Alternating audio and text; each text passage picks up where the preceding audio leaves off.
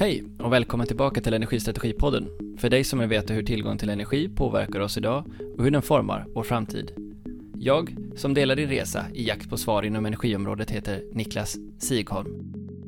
Svenska kraftnät, eller kort SVK, är genom sin myndighetsroll ansvarig för transmissionsnätet och elmarknaden och därmed mitt i den förändring som nu pågår av energisystemet.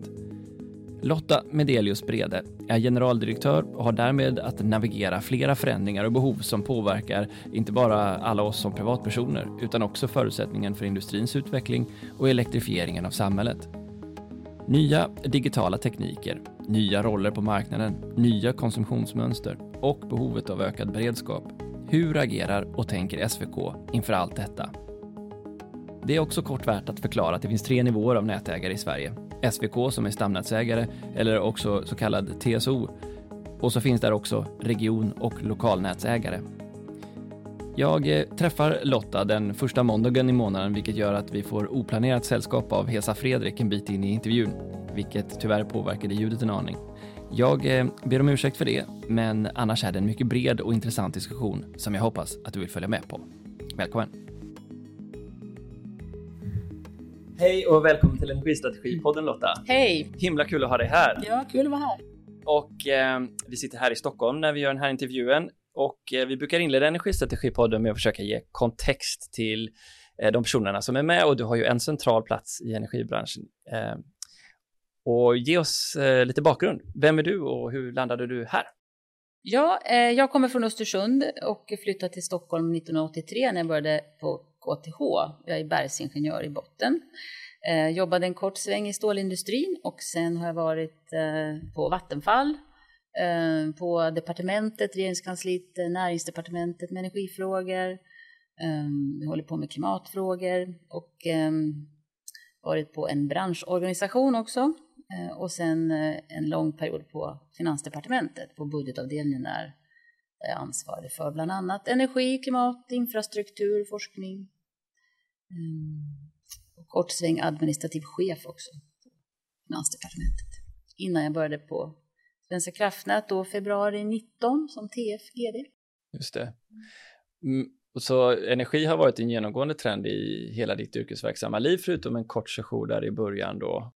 Ja, man kan säga att det har följt mig eh, på mer eller mindre eh, intensivt, men ja, nästan hela min karriär på olika sätt. Mm. Vad är det som driver dig? Det som driver mig, eh, ja, jag, för mig är det viktigt att jag känner att jag gör nytta. Att det jag gör betyder någonting. Mm. Och det gör det ju här. Ja, uppenbarligen. Mitt i en situation där vi står inför en enorm omställning, Talika. Okej, okay, och nu sitter du då på Svenska kraftnät. Kan du ge oss lite kontext till Svenska kraftnät och, och vad era huvuduppgifter är? Ja, Svenska kraftnät är ju dels eh, stamnätsägare, så vi äger ju transmissionsnätet Eh, det är ungefär 15 000 kilometer ledning brukar vi säga, alltså lite längre än Stockholm-Sydney. Så det är väldigt mycket ledning. Och sen har vi utlandsförbindelser också.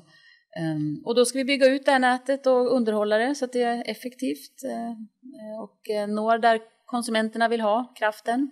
Och sen är vi också balansansvarig myndighet och det betyder att vi ska säkerställa att inmatningen av el, alltså produktionen av el och uttaget, konsumtionen, är i balans. Och när det är 50 hertz, frekvensen är 50 hertz, då är det i balans. Och där gör vi vårt kontrollrum. Och det är klart, har man 15 000 kilometer ledning så händer det saker hela tiden. Så att ehm, då har vi avtal med olika aktörer så att de hjälper oss att hålla frekvensen hela tiden. Eh, och sen är vi också elberedskapsmyndighet. Och det innebär att vi ska säkerställa att Sveriges elförsörjning klarar Eh, Eh, och motstår påfrestningar, om det är kris eller krig i värsta fall. Eh, det kan vara naturkatastrofer, men mer och mer nu med totalförsvarsplaneringen såklart eh, andra former av hot. Och sen har vi också uppgifter inom dammsäkerhet och vi har uppgifter för att säkerställa att en elmarknad som fungerar, att vi kan tillhandahålla plattformar att handla på. Och så vidare. Och om vi tar det här med elberedskap då så är det väl bra att vi börjar med att riva av den väldigt aktuella frågan om eh, DNs skop här för några veckor sedan eh, som egentligen går ut på att det finns eh, eller eh, skulle kunna finnas en sammanblandning av frågorna mellan å ena sidan Ygemans ambition att skapa en kapacitetsmarknad eller lösning för en kapacitetsbrist i Stockholm och Malmö och den om eh, elberedskapspengar som har reserverats för eh, en oljepanna i Stockholm och Värtan som ska konvertera till bioolja och därmed också kunna agera som en effektreserv här i stan.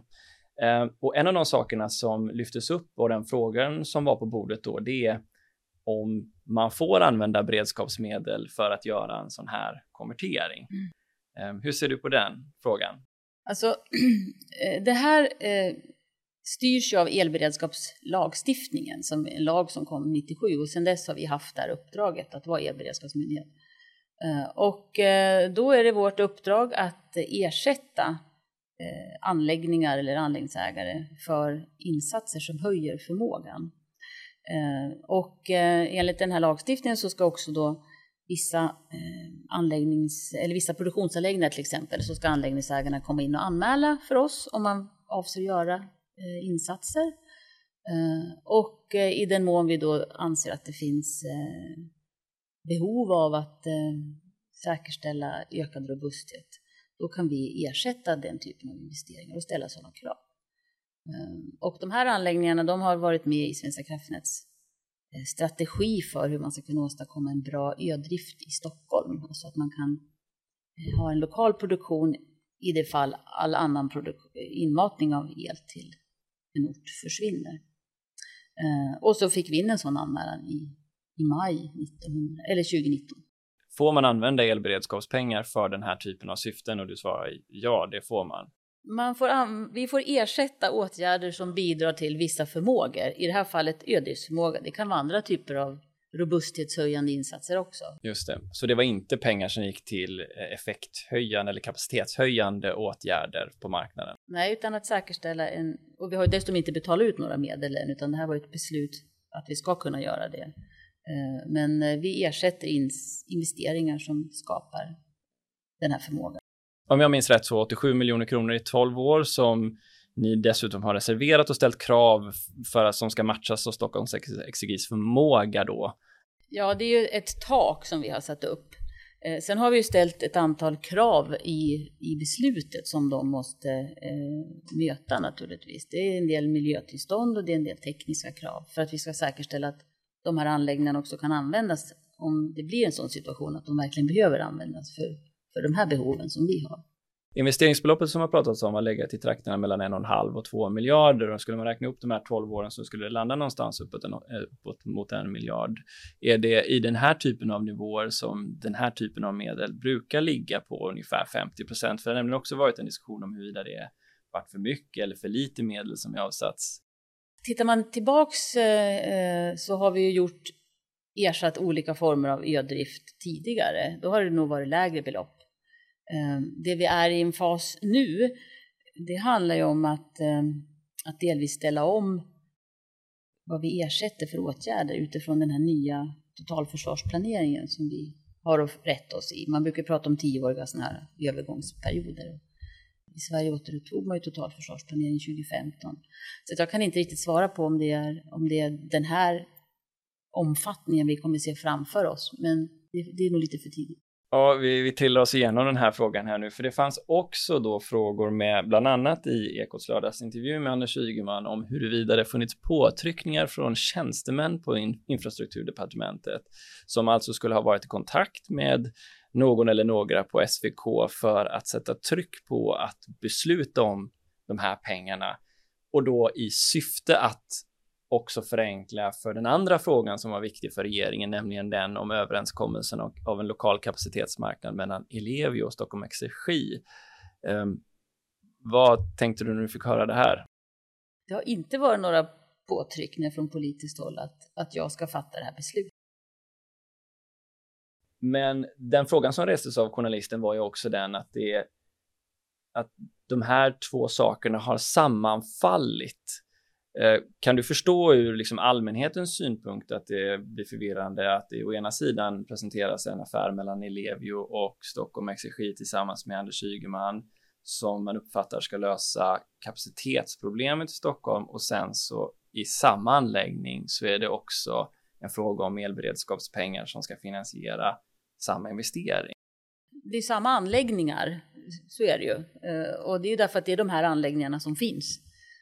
Så att på så sätt så finns det inga andra anläggningar och som jag sa, de här var identifierade 2016 som centrala för att åstadkomma den här förmågan i Stockholm.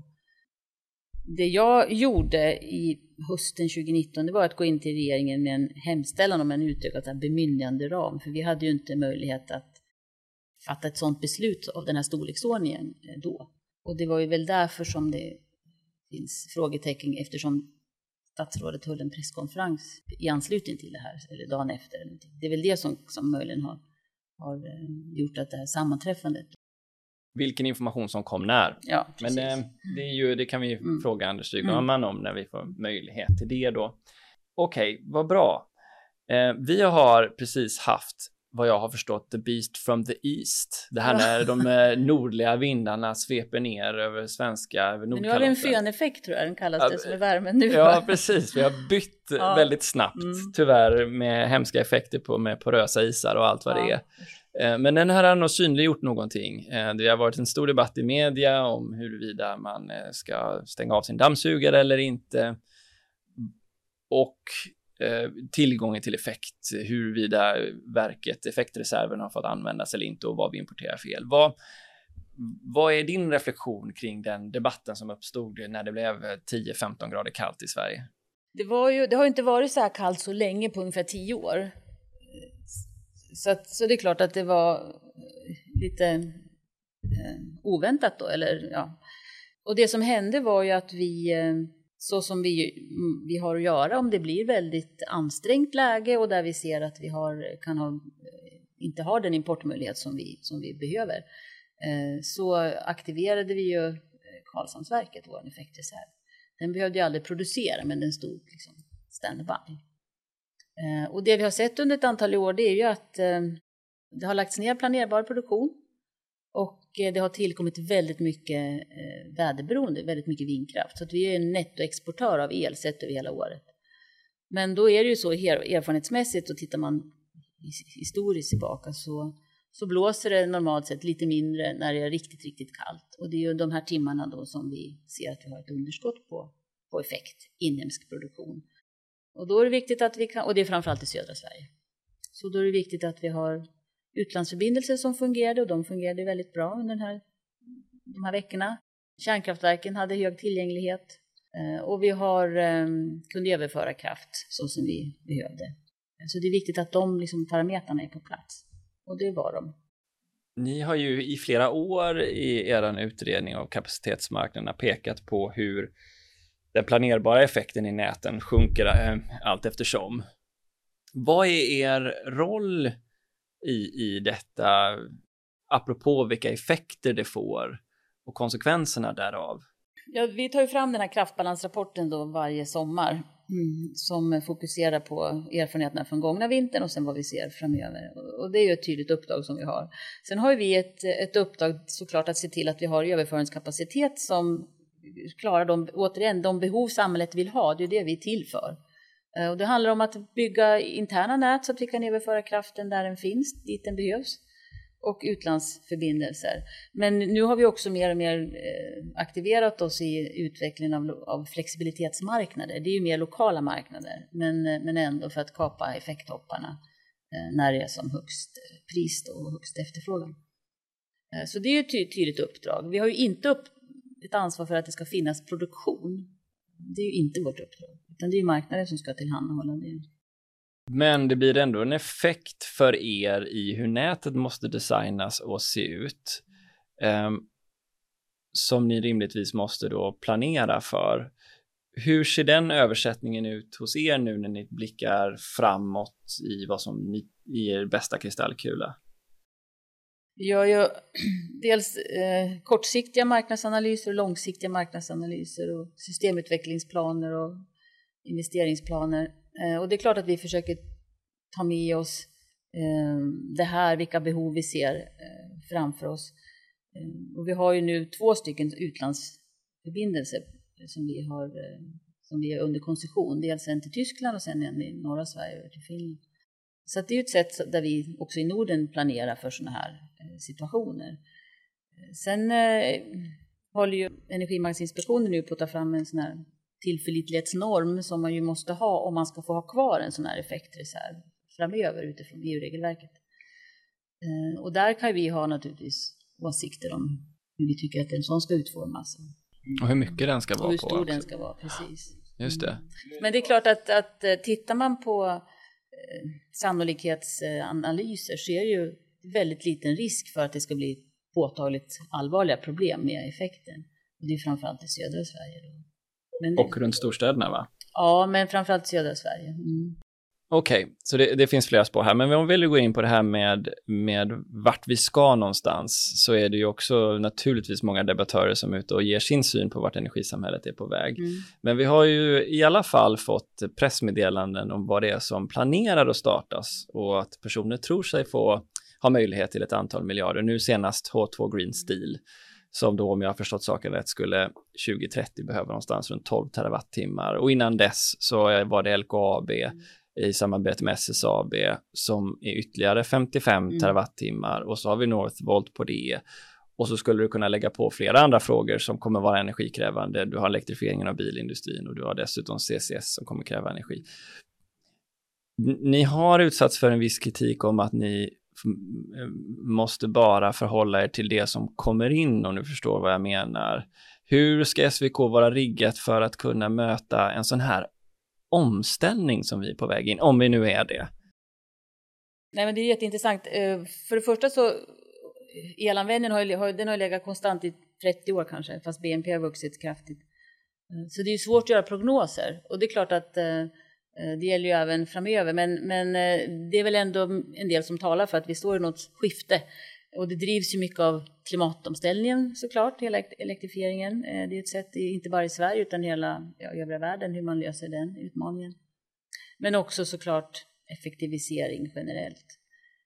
Um, och då kan man ändå förvänta sig att vi kommer stå inför en, en stor ökning av elanvändningen och ett ökat elberoende. Ökat elberoende har vi haft, men alltså att, att det här ja, att det också blir en ökad elanvändning. Och som jag sa, vi jobbar med kortsiktiga och långsiktiga marknadsanalyser och vi håller på nu med vår långsiktiga där vi har olika scenarier där vi också ser en väldigt kraftig ökning av elanvändningen och där man ju ser tydliga ja, geografiska skillnader också. Vi har ju väldigt stora utbyggnads, eh, reinvesteringsbehov och utbyggnadsplaner. Vi kommer att investera ungefär 70 miljarder kommande tio år. Och vi har väldigt stora eh, behov av att förnya vår anläggning och öka kapaciteten från norr till söder.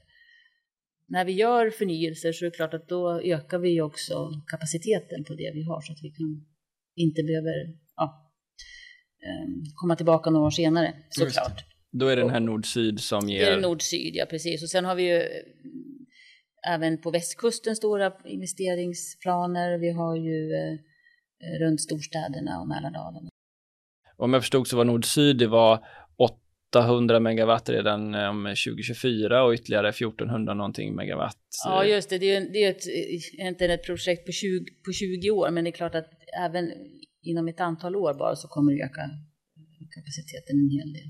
Vad finns det för fog då för de som öppnar upp det här med att eh, ja, kommer vi skicka strömmen söderöver eller norröver i den här nord-syd-länken vad det lider? Finns det anledning att och, och, och vara bekymrad över det. Nord-syd-paketet är ju uppbyggt eh, egentligen kan man säga eh, med fyra sträckor. Uppsala, Västerås eh, och sen två inåt landet. Och eh, de här två sista, eh, de kommer ju att kunna, de ligger längre fram i tiden, de kommer ju anpassas utifrån den situation som råder då. Man kan, vi räknar ju på liksom hela paketet i sig, samhällsekonomiskt lönsamt, men också olika delsträckor i detta. Och nu har ju precis regeringen kommit med sitt förslag om en ändrad instruktion för oss eh, där vi ska ju ansvara för havsbaserad vind och ta ansvar för nätet ut i havet. Och det är klart, vi har ju väldigt stora ansökningar om havsbaserade vindparker runt kusten, eh, södra Sverige. Hur mycket är det på ungefär? Ja, jag tror att det ungefär totalt är 35 eh, 000 megawatt där ungefär 10 000 ligger väl norr om Stockholm. Men resten är ju på, på, bra ställen utifrån vårt perspektiv. Vi vill ju ha kraft i södra Sverige för det är bra för, för balansen i produktionsanläggningen såklart. Och det ska jämföras med topplasttimmen som är på vadå, 24-25 000? Ja, just det, någonting sånt ja. Mm. Nu tror vi ju inte att allt det här blir av. En del anläggningar är på samma ställe och, och det är klart att det finns ju miljö och koncessionsutmaningar även här. Men eh, då kan det ju hända att all den här ökade kapaciteten som vi nu ser framför oss, nord-syd, inte behövs.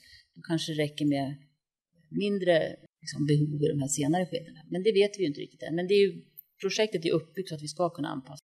Jag roade mig ändå med att gå tillbaka till de här kapacitetsplanerna några år och, och ser ju då att det är ganska små förändringar som behövde göras mellan 2014, 2015, 2015, 2016. Det har ändå hänt någonting som innebär att ni kanske måste putta upp de här prognoserna bra mycket mer än vad ni någonsin tidigare behövt göra förut. Vad, vad innebär det för en myndighet som, som SVK? Det är klart att det är väldigt utmanande när det kommer väldigt hastiga förändringar. Nu, de här stora industriprojekten, de har ändå några år, det är ganska långa projekt trots allt, eh, även om det här sista hade ju ganska kort tidsplan. Visst, de vill ju börja ja. producera ja. 2024 mm. redan. Men annars är det ändå en del liksom, ledtider. Eh, så att andra utmaningar det har att göra med de här serverhallarna som har kommit upp väldigt hastigt och som kan kräva lika mycket effekt som en medelstor stad, 300 megawatt eh, på mycket kortare sikt. De är ju lite svårare kanske att eh, förutse. Eh, vi har ju tagit initiativ till, tillsammans med regionnäten att få bättre blick över vad de ser framför sig så att vi kan få in det i våra modeller. För att eh, det är ju någonting som har blivit uppenbart de sista åren och bland annat kopplat till den här diskussionen då runt Stockholm och Malmö till exempel att, eh, att vi inte kunde ge tillräcklig kapacitet utifrån vårt nät. Eh, vilket ju också berodde på att man hade inte planerat för det här från regionalt håll. Så det har vi ju försökt utveckla nu så att vi kan liksom göra det. Så vi slipper överraskningar. Det är i alla fall ett sätt att komma lite en bit på vägen tror jag. Och också att eh, man från regionalt håll har förstått att det här är en infrastruktur som man måste beakta. För det har, har funnits överkapacitet sedan långt tillbaka. Man har inte behövt egentligen ta hänsyn till det här. Nu är det ett annat läge så det tror jag kommer göra att det finns en annan medvetenhet och, och, och man ser tydligare vikten av framförhållning. Ja, det är både på konsumtionssidan och på produktionssidan. Ja. Jag förstod att i Värmland så tillät man inte någon ytterligare produktion för det inte, inte var möjligt. Eh, jag tänker, det, helt plötsligt så börjar frågorna hasta mm. och då kommer vi till hastighetsfrågan ja. då. Mm. mm. För det har ju också varit en stor, en stor diskussion om just hur lång tid de här projekten kan tänkas ta och och det kom en nätkoncessionsutredning i höstas som beskrev vilka förändringar i lagstiftning som behövde göras bland annat och så har det varit många politiker ute i debatten och tyckt till. Um, vad, um, om vi är överens om att det bör gå snabbare att bygga ut stamnätet, vad är det viktigaste för SVK att fokusera på som du ser det och vilka förslag är det som bör understrykas? Vi har ju fokuserat på, en, på rätt mycket själva, alltså vad vi kan styra internt hur vi gör och också i vår samrådsprocess att vi vi börjar ju nu med en, en myndighetsdialog, alltså de berörda myndigheterna, så att vi identifierar hinder tidigt. Eh, så att vi slipper springa på miner och, och uppröra och oroa många människor. Utan vi försöker ha en sån tydlig Eh, sträckning som möjligt när vi går fram och har det första samrådet. Så det är ett sätt och det tror vi kan spara en del tid för oss. För oss då. Eh, sen är det väl så att ehm, det behövs, ehm, som vi har spelat in till nätkoncessionsutredningen, att man kan jobba lite mer parallella processer och sådär, inte liksom sekventiellt. Eh, det kom, kommer kunna ge en viss effekt. Men det är också så att ehm, man måste förstå att det här är ett intresse som kommer att konkurrera med andra intressen. Lagstiftningen när det gäller miljö till exempel har utvecklats på 20-30 år och under den tiden har man inte byggt så mycket stamnät. Praxis är satt och det här är ett annat intresse som kommer att göra anspråk på mark och som drivs som en global miljöfråga medan lagstiftningen kanske fokuserar på lokala och regionala konsekvenser. Och i debatten så fram, först att det ska gå väldigt fort och man liksom måste ändra hela processen. Det tror ju inte jag egentligen, utan de som berörs av ett intrång måste ju ha rätt att yttra sig såklart. Eh, men däremot så att det är mer förutsägbart, att eh, vi vill ju till exempel förespråka att man ska ha luftledning framför kabel. Kan man ha det som en utgångspunkt så, så skulle det spara tid för oss. att eh, inte utreda kabelalternativ till exempel. För det ett fåtal fall så behöver man kabel men inte som huvudingång. Man kan välja teknikval tidigt. Ja, man kan välja teknikval tidigt. Och ehm, ja, en hel del sådana saker som har lite att göra med kanske eh, insikten att det här är en infrastruktur som behöver få sin plats också. Hur, för det talas i debatten om att det kan ta upp till tio år innan ett sånt här projekt eh, kan få tillstånd ens att genomföras. Nu är det naturligtvis olika i varje projekt såklart, va? men vad, vad är potentialen tror du? genom helt enkelt smidigare arbetsförfaranden som du är inne på, tydligare eh, liksom förarbete från SVKs sida och viss regelförändring. Vad kan vi göra åt detta? Hur mycket? Nej, men några år tror jag nog att man skulle kunna kapa. Men det har ju också att göra med hur de myndigheter som ska pröva våra ansökningar, hur de, väljer, hur de jobbar och att, det, att man är att det är väldigt tydligt vad det är för underlag som efterfrågas, att de andra myndigheter, länsstyrelser till exempel, som ska tycka till eh, och lämna synpunkter också är tydliga med vad det är de ser för behov. Eh, så att man inte återkommer hela tiden. Och, alltså, det finns många saker som alla måste bidra med sitt... Eh, och som sagt, det är ju en avvägning, kommer vara en avvägning av olika motstående intressen. Då, om, eh, om vi väl har fått någonting beslutat och fått koncession på det, vi kanske ska nämna för lyssnarna vad koncession är förresten. Ja, att man får tillstånd då att bygga en ledning till exempel. Just det. Så har ni också fått då på er att utreda Sydvästlänken. Eh, och det är ett projekt som skulle varit klart. Inte att utreda, att bygga. Ja, man ska utreda projektet. Ja, förfarandet ja, ja i projektlänken. Statskontoret, ja, precis. Mm. Eh, förlåt om jag var otydlig. eh, I vilket fall, och det här är ett projekt som skulle varit färdigt om jag minns rätt redan 2015, 2016 mm. och så har det blivit fördröjt i flera omgångar. Hur, eh, hur kan du som generaldirektör jobba med att eh, säkerställa kvaliteten i projekten? Hur jobbar ni med det internt på SVK? Du menar inte Sydvästlänken utan du menar i projekt generellt? Eller? Ja, i projekt generellt, ja. ja precis. Alltså det är viktigt att dels så har vi ju hela arbetet fram till dess att man fattar beslut om en investering. Eh, där vi försöker trimma och göra effektivare på olika sätt. Eh, hålla nere kostnader och sådär. Eh, men sen handlar det om hur vi upphandlar såklart, att vi ställer rätt krav i upphandlingen, att vi ser till att ha många leverantörer på marknaden så att vi får en bra konkurrens. Eh, att vi är duktiga projektledare och att vi eh, liksom har en väl avvägning mellan tekniska egna krav så att det matchar mot leverantörsmarknaden. Så det finns jättemycket att göra där. Och att vi återför erfarenheter från våra stora projekt in i organisationen tillbaka. Hur bra är ni på att jobba med ny teknik som du ser det? För det händer ju mycket inom kraftelektronikspåret också. Det ser vi i internationella projekt. Det kommer nya tekniker. Hur, hur jobbar ni med innovation och Ja, innovation och forskning, har, vi har ju en liten sån budget och vi, har, vi är med på många olika arenor kan man säga. Eh, vi har ju jobbat med ny teknik, vi jobbar med eh, systemtjänster och kompetensförsörjning och sånt där. Här kan vi säkert ta, ta nya, ytterligare steg, det tror jag. Eh, vi, om man tittar på det vi gör, till exempel om man kopplar till det vi inte har varit inne på så mycket nu, men IT-investeringar och olika former av automatisering och plattformar, det är ju otroligt innovativt, jättemycket nytt innehåll i det. Ehm, men det kanske man inte pratar så mycket om, man tänker sig mer att vi ska ha en, en, ny, en ny typ av ledning eller en stolpe eller en ja, kraftelektronikkomponent. Men vi gör ju jättemycket som är liksom utveckling och innovativt innehåll i det som, som inte syns så mycket kanske. Ja, men låt oss föra oss in på det spåret och vi kan komma tillbaks lite grann till planering och mm. projektgenomförande också. Men, men ni lägger rätt så mycket pengar nu på att digitalisera er själva och er övervakning av näten. Kan du förklara vad är, vad är bakgrunden till det här och vad hoppas ni få ut av det? Ja, dels så digitaliserar vi för att vi ska bli bättre med vårt eget arbete såklart.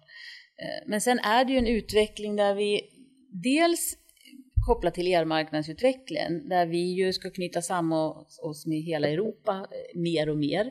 Det drivs ju av regelverk och då är det olika typer av marknadsplatser eller plattformar eh, som vi måste vara med i. Eh, där, som är otroligt stort IT-innehåll. Det är massor med sådana projekt som vi gör tillsammans med de andra stamnätsoperatörerna i Europa. För att man ska kunna ja, utveckla elmarknaden, göra den större integrera elmarknaderna mer och mer helt enkelt. Det drivs ju av det. Och sen har vi det andra spåret där vi, där vi ju, som jag inledde med, pratar om den här frekvensen som vi ska hålla och olika typer av aktörer som vi har avtal med för att de ska hjälpa oss, alltså det vi kallar stödtjänster. Och det här blir mer och mer komplicerat i takt med att vi får in mer och mer väderberoende energi så får vi mer och mer variationer i frekvensen. Och det kostar mycket mer också. Kostnaderna för de här tjänsterna ökar väldigt. Eh, Eh, så att vi har ett stort projekt på nordisk nivå med våra kollegor då, eh, där vi ska automatisera kontrollrummet till exempel. Och eh, för att göra det snabbare, kunna agera snabbare på det här och mer automatiska vad processer. Av, förlåt, vad är det för typ av beslut då i kontrollrummet som går att automatisera? Ja, nu är det ju så att man, att man när man avropar sådana här reserver till exempel och när vi också balanserar, vi balanserar ju på timme mätdata mot våra balansansvariga. Nu ska vi göra det på kvarten till exempel.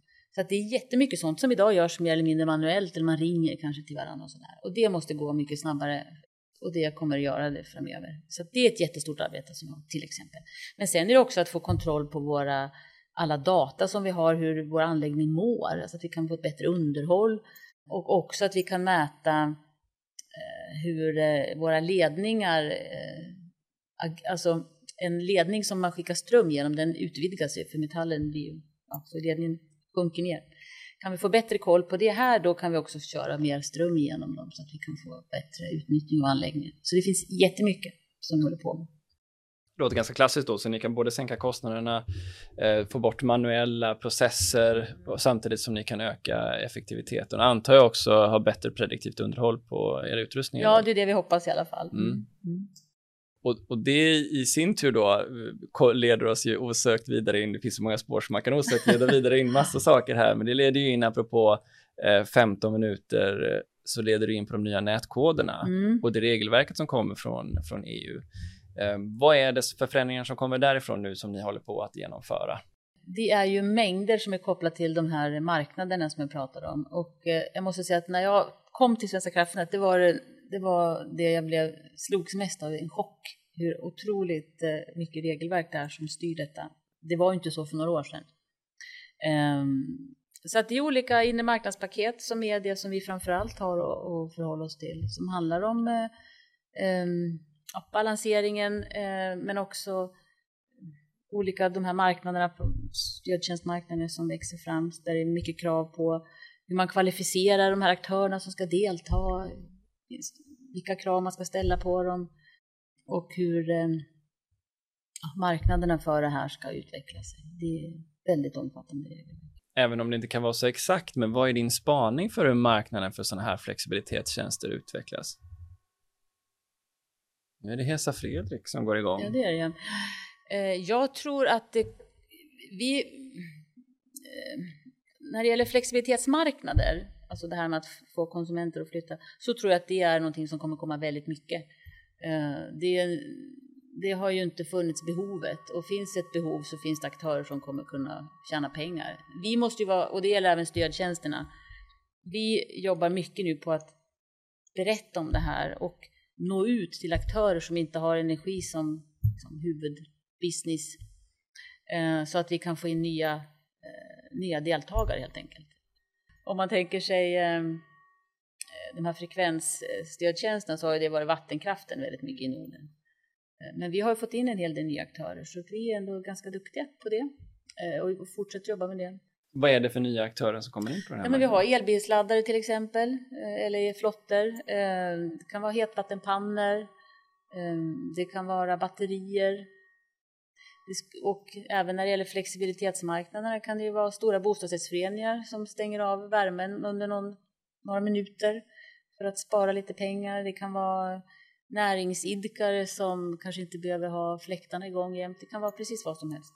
Och är det här tänkt att de här också ska kunna handla det här på en marknad precis som, som eh, Nordpol på sikt eller hur, hur är det Alltså det vi gör i Stockholm nu, där Stockholm Flex, är ju som en marknadsplats. Och sen är vi med på några, det finns ju forskningsprojekt, Koordinet, som på flera ställen i Sverige. Eh, så det kommer säkert, det kommer vara lokala marknader säkert, men det tror jag nog att det kan utveckla sig. Alltså finns det ett behov så kommer det ju komma, vi måste se till att, att hindren, att det inte finns hinder för att komma in på marknaderna.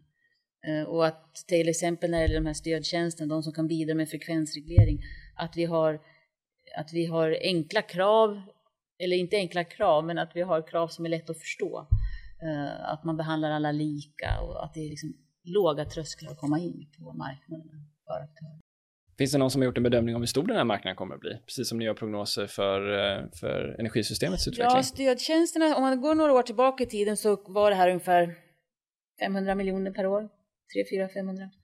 Eh, och på några års sikt nu ser vi att vi kommer upp i 3-4 miljarder per år. Så det är ganska mycket pengar man kan tjäna om man är med på den här marknaden. Och med ren energipaketet så pratade vi med Energimarknadsinspektionen om att det är andra aktörer än elnätsägarna som ska komma in och göra det här, utan de ska vara facilitatorer av detta. Hur får man ihop diskussionen om behoven av utveckling i elnäten lokalt och regionalt kopplat till Eh, er som stamnätsägare? För då helt plötsligt blir ju bilden ganska komplex. Mm, ja, Nej, men det är ju många aktörer som måste vara med och bidra såklart. Och, och som sagt, vi är ju längst ifrån kunden. Våra prissignaler ska ju transporteras hela vägen ner till kund. Det är ju inte en enkel operation såklart. Eh, men det här är ju i sin linda. Jag tror att det, som sagt, vi kommer dra mycket lärdomar av de projekt vi håller på med. Och, och sen måste ju EU kanske anpassa sitt regelverk också så att man kan ta in sådana här insatser i regleringen. Men det är ju deras sak. Då är vi kvar på marknaden lite, för en effekt av all den här flexibiliteten och aggregatorsrollen, alltså när man ackumulerar efterfrågan och kan styra den upp och ner efter behov, leder ju också till en påverkan om hur, el, hur elpriset sätts idag. Eh, för du kan sätta det dagen innan på en intraday-marknad och sen så finns det liksom ett, eh, en elbas som är mer kopplad till det direkta priset. Hur, hur ser ni att eh, att det kommer att förändras. Det finns vissa elnät bland annat som är ute och, och är oroliga för att eh, det inte kommer, eller energibolag ska jag säga som, som uttrycker att det kommer ju påverka tillgången och efterfrågan mer momentant. Eh, hur utreder ni effekten av vad den här flexmarknaden kommer att ge? Finns det sådana frågetecken hos er också? Nej, inte riktigt som jag kan. Vi tittar ju på prisutveckling i de här långsiktiga scenarierna och sådär, men, men osäker på hur mycket vi har beaktat just utveckling av flexibilitetsmarknaden i dem idag i alla fall. Säkert på sikt att vi kan göra det, men den är ännu ganska outvecklade. En sak som kommer på marknaden eh, starkt och har kommit ännu starkare är den ganska dolda marknaden för Power Purchase Agreement, PPAR. Eh, för det sker då bilateralt mellan en producent och en konsument för att säkra upp priset över en viss tidsperiod och har varit väldigt viktiga i finansieringen av det förnyelsebara också. Hur ser ni på, på PPA och vad ska vi göra med dem? Alltså de, vi, ja, det är ju ett avtal mellan två parter så vi kan ju inte tycka så mycket om det i och för sig. Men, men om vi skulle tycka någonting så är det ju att eh, den här, det här är ett sätt att, så att säga, gynna eller stödja eh, grön el, förnybar el. Eh, och det är framförallt vindkraft och sol kanske. Ehm, och det är klart att eh, för vår del, när, som jag sa, när vi, när vi får in mer väderberoende så dels så får vi mer volatila priser. Det är det vi har sett. Jag menar i år har det varit väldigt dyrt. I fjol var det negativa priser vid tillfällen. Så, så att, Ehm, det blir väldigt volatila priser och ehm, då vi måste dessutom anförskaffa sådana här stödtjänster som jag pratade om.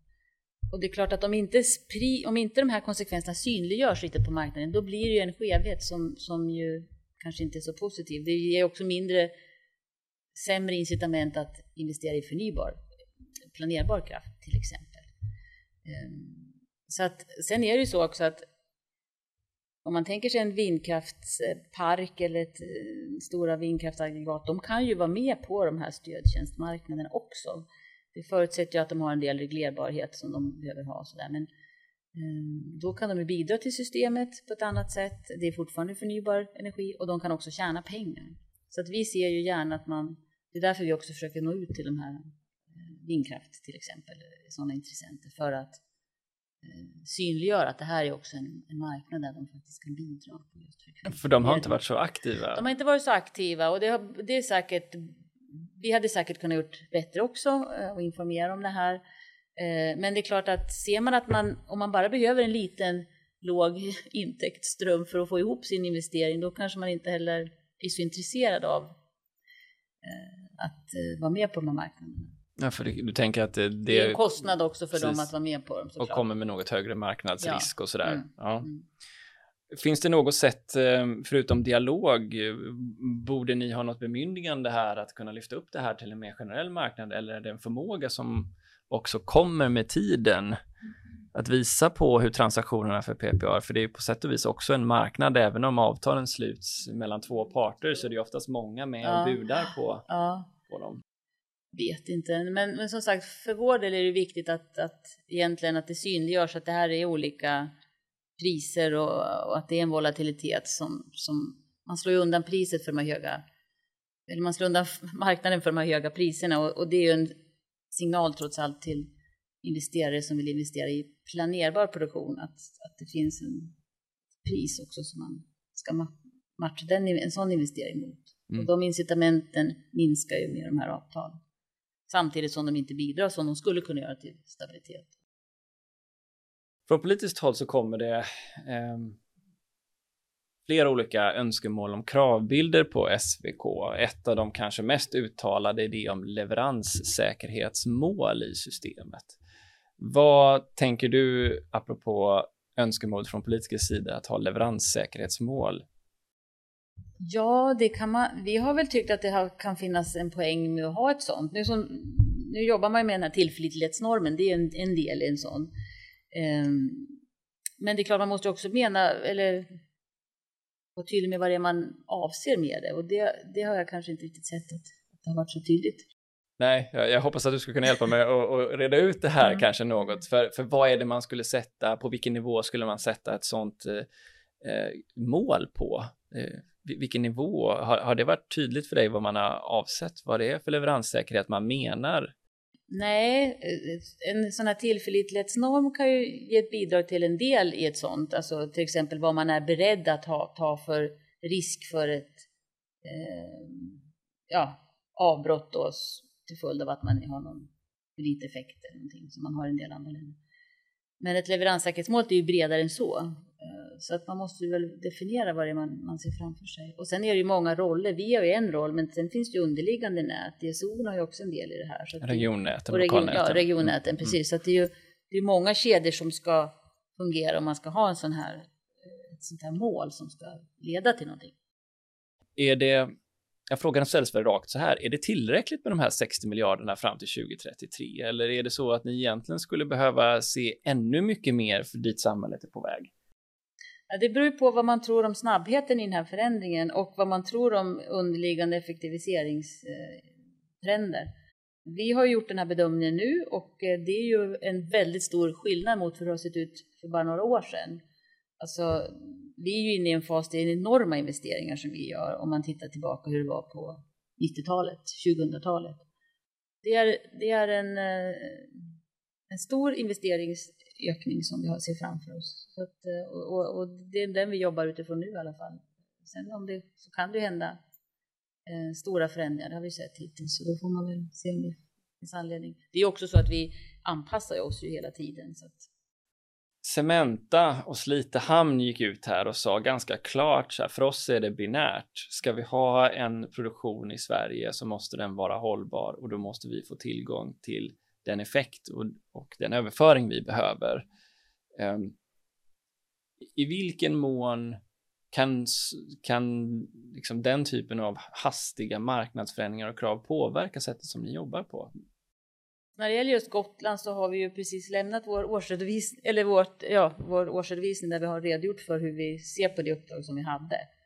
Och det är några saker som sker eh, som är viktiga i ett sådant en sån diskussion om en ny förbindelse till Gotland. Och det är ju dels eh, klimatomställningen och, och Cementa då.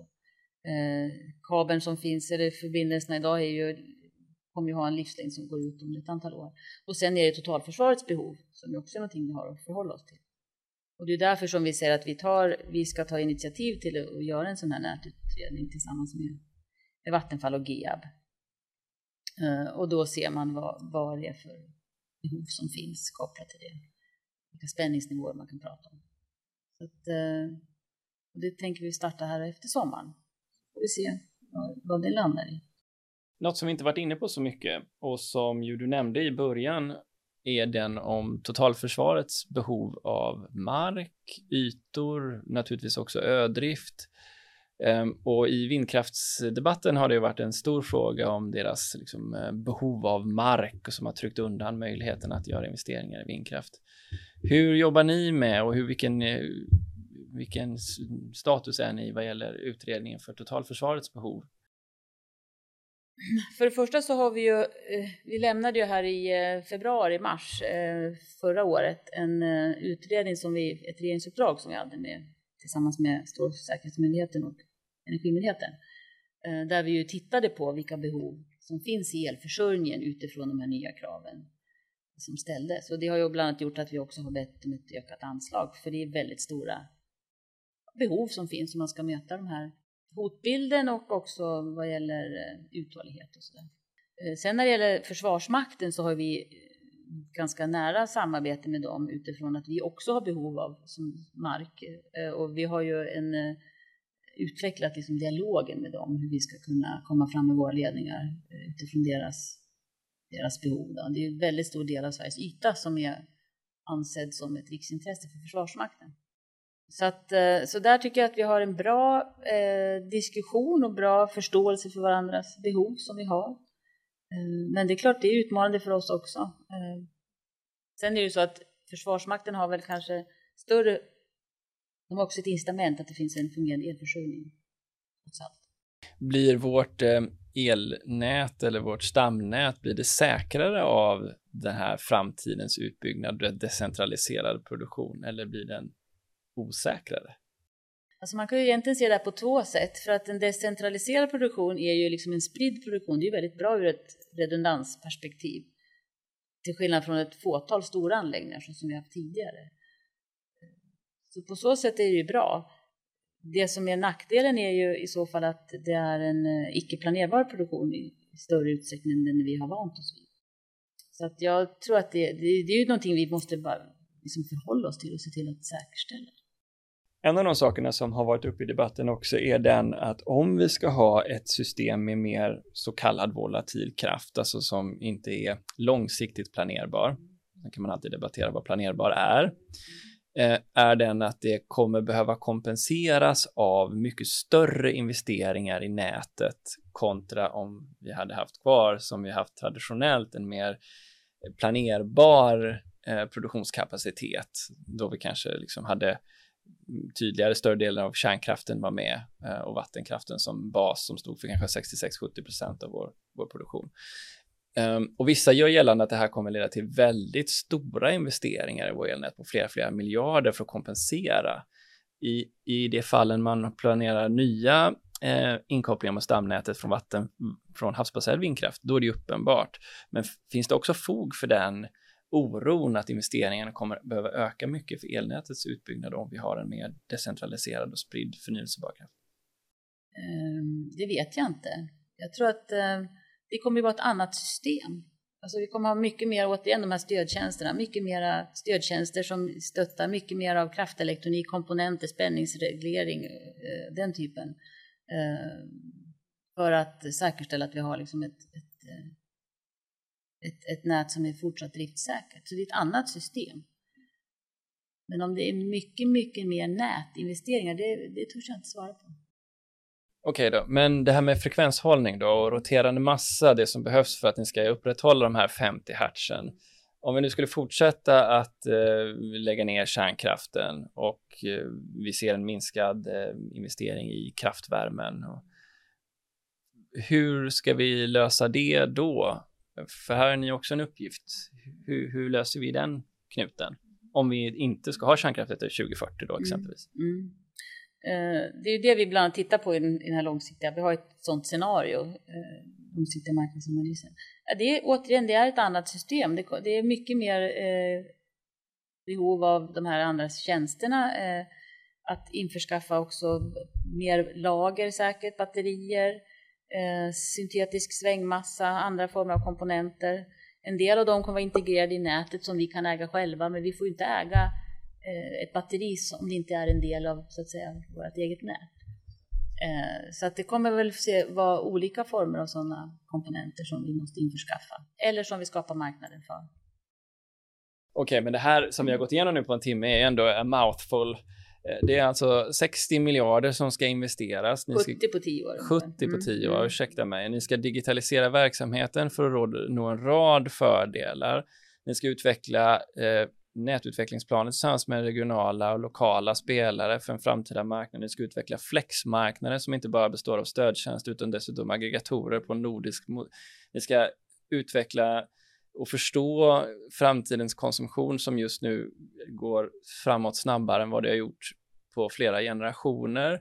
Ehm, ni ska dessutom då inkludera en mängd ny EU-lagstiftning om nya nätkoder. Vi har inte ens varit inne på elprisprognosernas utveckling. Ja, du, eh, ny teknik dessutom som inte är beprövad och som kanske ska in i nätet. Eh. Mm. Det är mycket som händer. det, ja. det, är mycket som händer. Ja. Går det, hur, hur väl omfamnar ni? Det kanske är en självförklarande fråga, men går det, hur, hur jobbar ni med att omfamna den här massiva förändringen som slår igenom på så många fronter internt? Vad får det för konsekvenser för er? Nej, men vi växer ju, vi, vi rekryterar mycket, vi har ju och vi konsultväxlar, vi har ju väldigt mycket duktiga konsulter, men det är ju eh, många kompetenser behöver man ha inhouse och det, det har ju ja, kompetensöverföring, effektivitet, säkerhetsprocesserna som också eh, eh, för det. Så vi har en stor plan för det, detta eh, och eh, ehm, sen har vi ju vi har jobbat med femåriga strategier eh, som vi liksom bryter ner då till årliga planer och som vi också har en eh, väldigt tydligt kopplat till liksom varje enhet, varje medarbetare, vad man ska göra för att klara av att nå det här. Så det är ett jobb som vi gör internt. Ehm, och sen som jag sa, vi, vi, eh, vi jobbar på att bli bättre upphandlare för att kunna få in mer fler aktörer. För det här är ju en jättemarknad som vi måste få in nya aktörer till, för att annars kommer vi inte kunna ha en leverantörsmarknad som, som räcker till. Eh, vi jobbar mycket med att eh, se hur vi kan sänka kostnaderna, till exempel när det är ledningar har vi ganska ambitiösa mål på hur vi ska kunna sänka kostnaderna, bygga billigare, mer effektivt. Tror du det kan vara stor skillnad, stor potential i den frågan? Ja, vi har en 15-16 procent på ett antal år som vi tror ska kunna sänka ledningskostnaderna. Det blir många miljarder. Mm, det är många miljarder. Så att vi jobbar på olika sätt med detta och som jag sa också försöka få in flera aktörer som kan bidra på stödtjänstmarknaden för det är också en stor kostnad. Eh, så att, eh, ja. Men jag, jag som, då, som träffar en hel del elnätschefer där ute, som dessutom sitter mitt i den här stormen, kanske inte med den eh, typen av eh, utredningsresurser som du har här i Stockholm, eh, och som dessutom ska lära sig att göra allt från tioåriga eller fem år till tioåriga prognoser också. Um, där får väl vara mitt ord på det, där upplevs att det finns liksom, det, det är otroligt mycket nytt som ska tas in och också hur marknaden ska fungera. Vad säger du till alla dem som lyssnar här? Hur ska man förbereda sig på allt som komma skall? Kan ni vara någon part som faciliterar kunskapsöverföringen här eller hur ska man tänka? Ja, vi eh, jag tycker att vi ska vara väldigt transparenta i det vi gör. För att eh, som du sa, vi har väldigt mycket resurser, vi gör väldigt mycket rapporter och liksom försöker visa de här olika Eh, analyserna vi gör. Vi har ju en kortsiktig marknadsanalys varje år, eh, en långsiktig vartannat. Vi har den här systemutvecklingsplanen som är liksom vår tioåriga plan eh, som kommer vartannat år ungefär. Och sen har vi vår verksamhets och investeringsplan som går till regeringen som är liksom varje tre år framåt. Så det finns väldigt mycket information som vi tillhandahåller som jag, som, som jag tror kan vara värdefullt för många, även om det kanske är på en liksom mer omfattande nivå så, där, så tror jag att vi försöker verkligen vara transparenta och informera och jag tror att det finns en hel del intressant i de här produkterna. Sen försöker vi jobba med webbinarier när det gäller olika typer av, dels hur vi implementerar regelverken i EU, ja, för att liksom nå ut till olika aktörer. Så jobbar vi väldigt mycket med att få en bättre eh, dialog med regioner och länsstyrelser. Så att det är klart, är man en, en eh, energi-VD i någon region så, så finns det ju möjligheter liksom via de kanalerna också att, få en dialog med oss. För att för oss är det viktigt att, att visa på vad vi gör för att skapa en förståelse för varför vi kommer med våra ledningar eller varför vi liksom vill göra investeringar och göra anspråk på mark till exempel. Att, eh, och att vi vill ha in många nya aktörer på marknaden. Kan du förstå de elnätschefer som önskar att de själva fick vara en aktör på marknaden för flexibilitetstjänster givet att de kan sitt nät och förstår behovet. Och, eh, det finns en problematik i det att den nya EU-lagstiftningen inte tillåter det samtidigt som många elnätare ute vet och ser ett behov av mm. att liksom kunna vara med på den här marknaden för det finns en praktisk eh, effekt för nätet lokalt. Ja, nej men det förstår jag. Alltså det, är ju, det, kan jag tänka mig. Mm. Okej, okay, men vi, vi, vi rundar av här nu då med, med, med frågan om liksom hur väl positionerade är vi för att klara klimatlagen om helt förnyelsebart 2045? Parismålet, ett och ett halvt grader mål som, eh, som sätter liksom enorma krav på samhällets elektrifiering. Tror du att vi, vad tror du? Ge mig din bästa spaning. Ja, nej, men eh, dels beror det väl på vad, vad de som äger eh, kärnkraftverken ser framför sig. Alltså det, det men, men eh,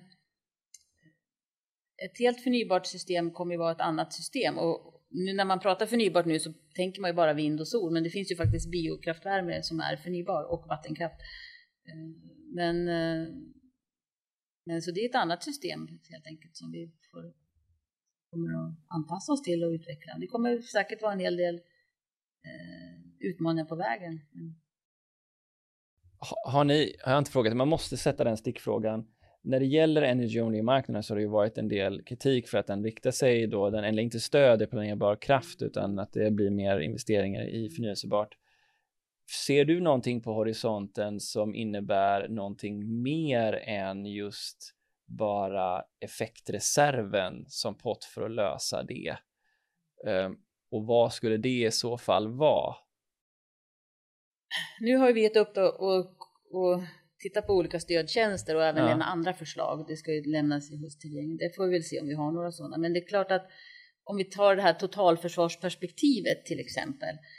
Det man trycker på där i de här underlagen, de rapport motståndskraft och värnkraft som kommer, så pratar man ju om lokal produktion, kraftvärme, ödrift, den typen av och då är det enklare om, om man har en planerbar produktion i det perspektivet såklart en eh, icke planerbar. Så det är väl en dimension i det där som, som man kanske på något sätt måste hantera då. Men eh, vi ser väl ett problem att, att incitamenten för att investera i planerbart är så små idag. Och vi får se vad vi kommer med för förslag sa du? Ja, just det. Ja. Okej, okay. ja det blir spännande. Det var som en cliffhanger. Ja, ja. Är du positiv? Tror du att vi klarar den här, eh, strunt samma om det är förnyelsebart eller fossilfritt då, men klarar vi åtminstone ambitionen att bli att ställa om till ett eh, helt elektrifierat samhälle som är hållbart. Ja, det är utmaningar i transportsektorn framför allt, det tror jag ju. Men, eh, och ja, nej, men det tror jag att vi klarar. Det kan vara lite bumpy på vägen, det tror jag. Tack så hemskt mycket för att du var med i Energistrategipodden Lotta. Tack.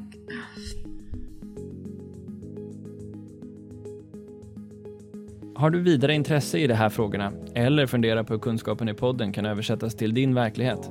Tveka då inte att höra av eller engagera dig via hemsidan sigholm.se energistrategipodden eller via Sigholms sociala kanaler. Tack för idag! Skulle du vara intresserad av att samarbeta eller jobba med oss kring de här intressanta frågorna? Gå då in under karriär på vår hemsida för att läsa mer.